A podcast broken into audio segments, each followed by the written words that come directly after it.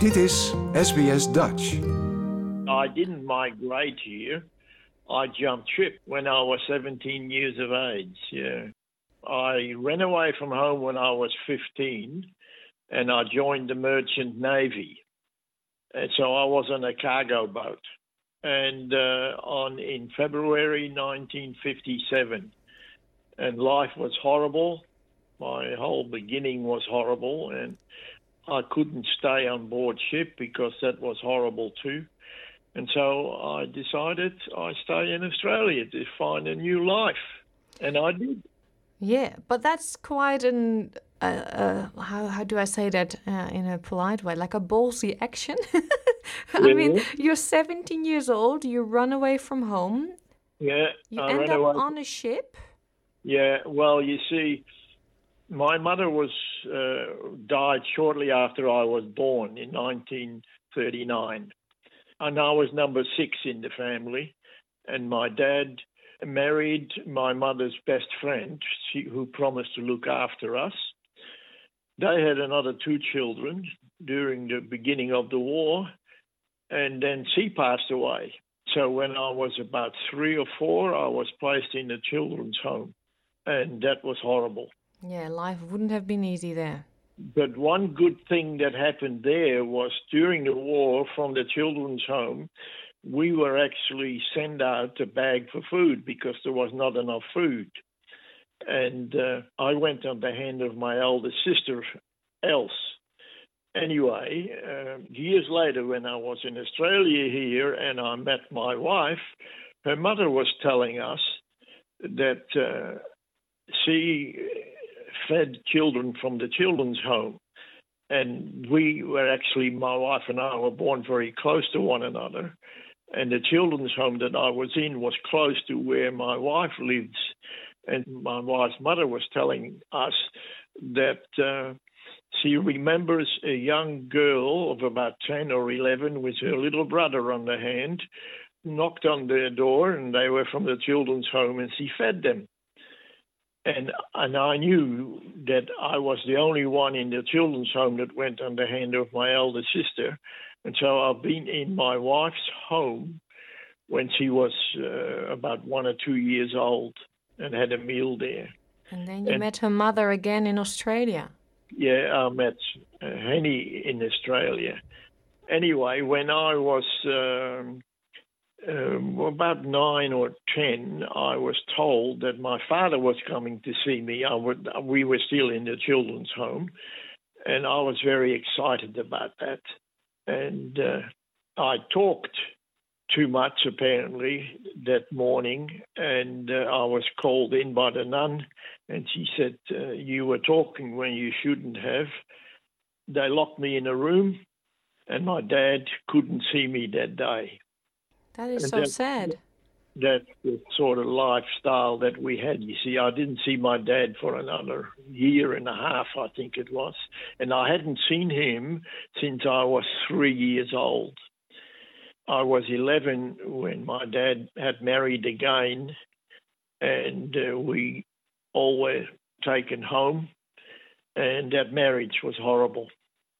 When I was about 14, I caught her during the day when I came home unexpectedly. I caught it with another bloke.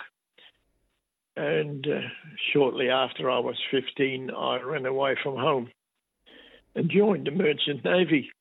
Yeah. Uh-huh. What, what what's that? The merchant navy? Can you explain that? Well, it's the cargo boat. See, they, they take cargo in from one all around the world. Yeah. So That's you've been on the ship for two years. Yeah, I was on the ship for about two, two and a half years. Yeah. And uh, on the 28th of February 1957, I couldn't stay on board ship because things were happening there that were horrible and I couldn't live with it. And uh, I actually uh, talked to one of the young officers on board ship and I told him what was happening and what was happening to me with some of the uh, the other sailors. They were trying to take advantage of me, and it was horrible. And I said, "Look, I, I'm thinking of leaving here and staying in Australia to see if I can find a new life." And he actually said, I can't blame you. And he gave me an, an address for a boarding house in Port Adelaide. And we were in Port Lincoln in South Australia. So what happened was that uh, I went there, and it was a German lady who ran the boarding house. When I left my board ship, I had 20 pounds. That's all the money I had and the clothes I had on.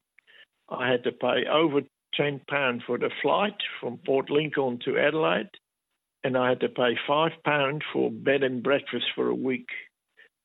And so I had a bit over 4 pounds left. And uh, I went to the unemployment bureau. Someone gave me an address there. The lady from the boarding house gave me an address that I could find and look for a job.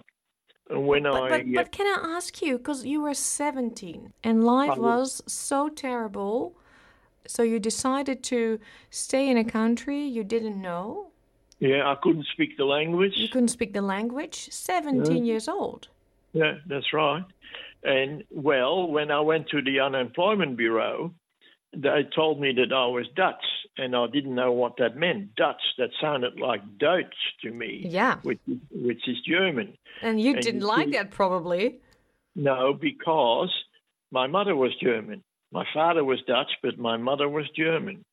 And so we were treated very badly because my mother was German, and it was during the war, you see. That's why we were treated so badly. And so I know I said to the people at the unemployment bureau, look, I'm I'm not Dutch, I'm a Hollander, I'm a Nederlander. And so what happened was they handed over the phone to me and there was the Dutch consul, uh, Mr. Takens. He was the Dutch consul at the time, and he had an office about two streets away from where the unemployment bureau was. So, you he could said, "Oh, translate a bit.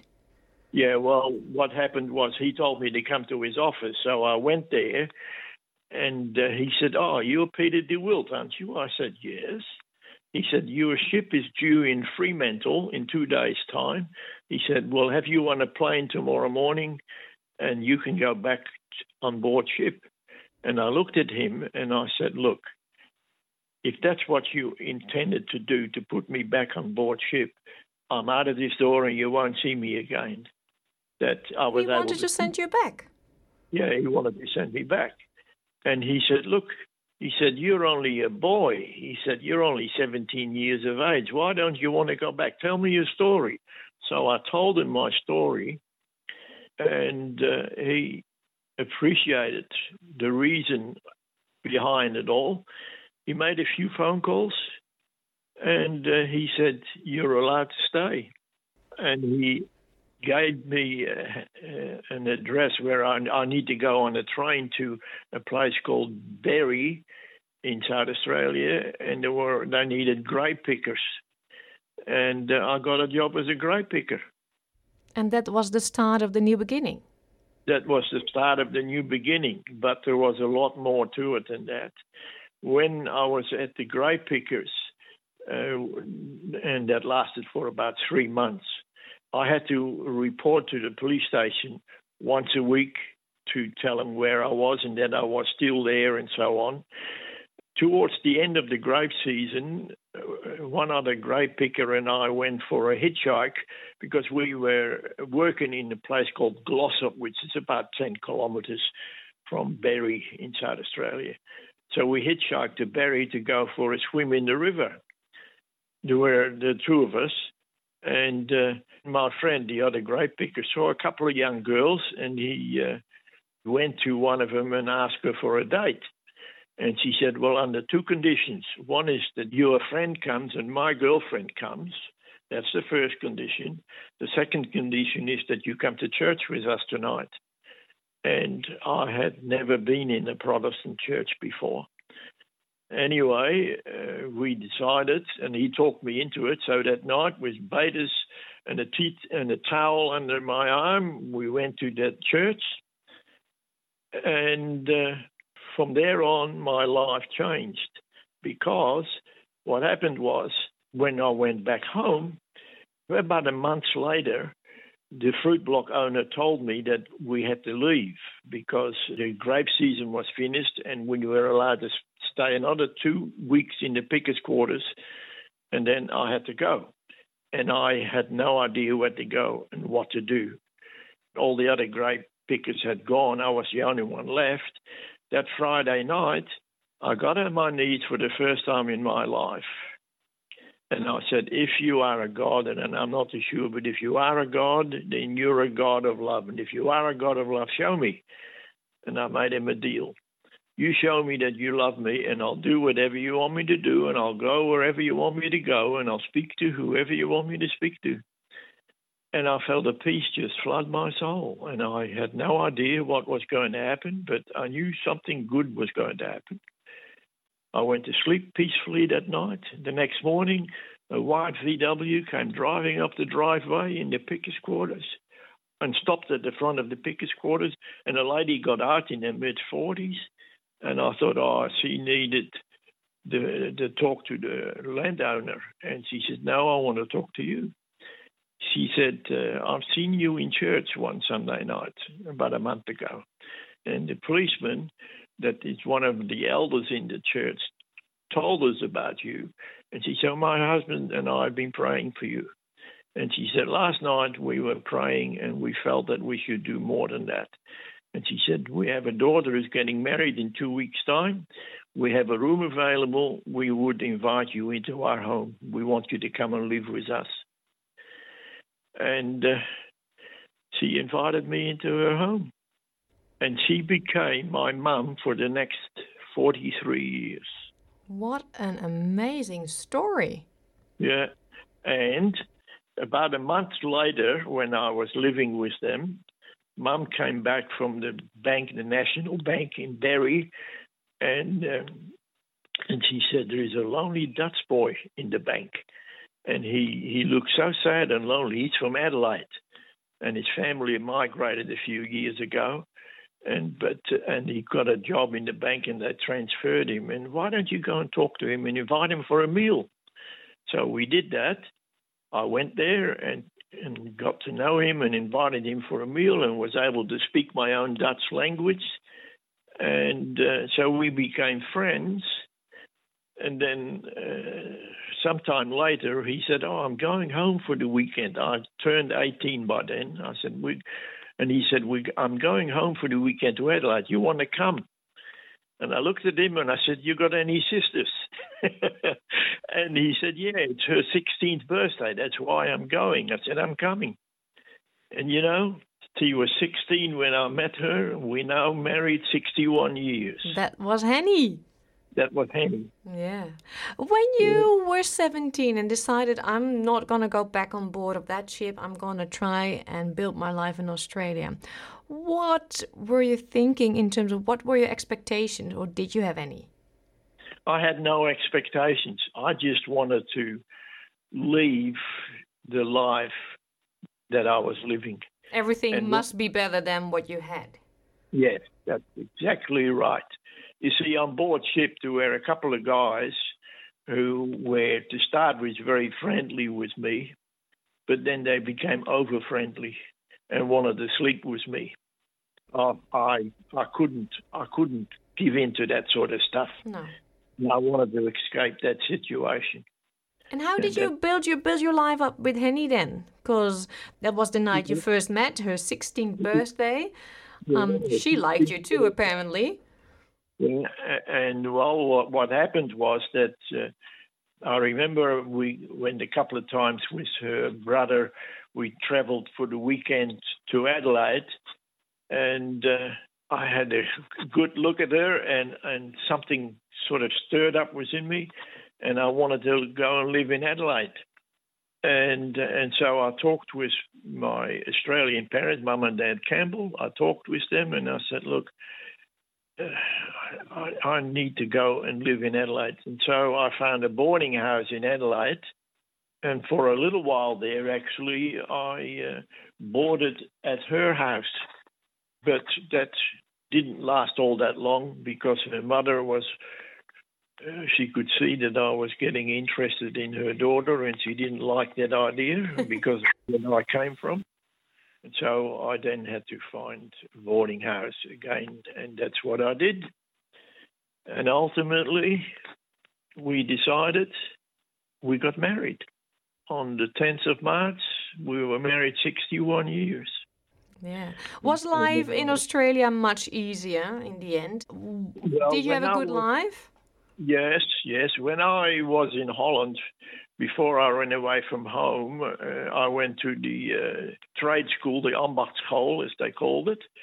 And when I finished there, I got a job as a an apprentice motor mechanic in the in the in in uh, Rotterdam. And uh, so when I left, uh, I'd, I'd done two years. And when I uh, came to Australia and I told my Australian parents, Mum and Dad Campbell, that I had two years as a trainee motor mechanic, uh, they helped me find a job as a as a motor mechanic, as a trainee motor mechanic. And so I I done three years there, and uh, then I got a job with a Dutch firm in Elizabeth, near to Adelaide, and uh, I did uh, mechanical engineering. I did their maintenance uh, work there, and and learned a, a, another trade of uh, engineering works. hmm Yeah. And- have you ever been in touch again with your dad and with your siblings who are still in the Netherlands? Yes, well, I wrote to my dad, but never got a reply. And uh, when was the year now? My dad died in 1965, I think it was. And it was just before Henny and I decided we would go to Holland and go and visit him because I'd never got a reply back from my family, you see. And so when I got to Holland in 1965 with Henny, we went to stay with my sister.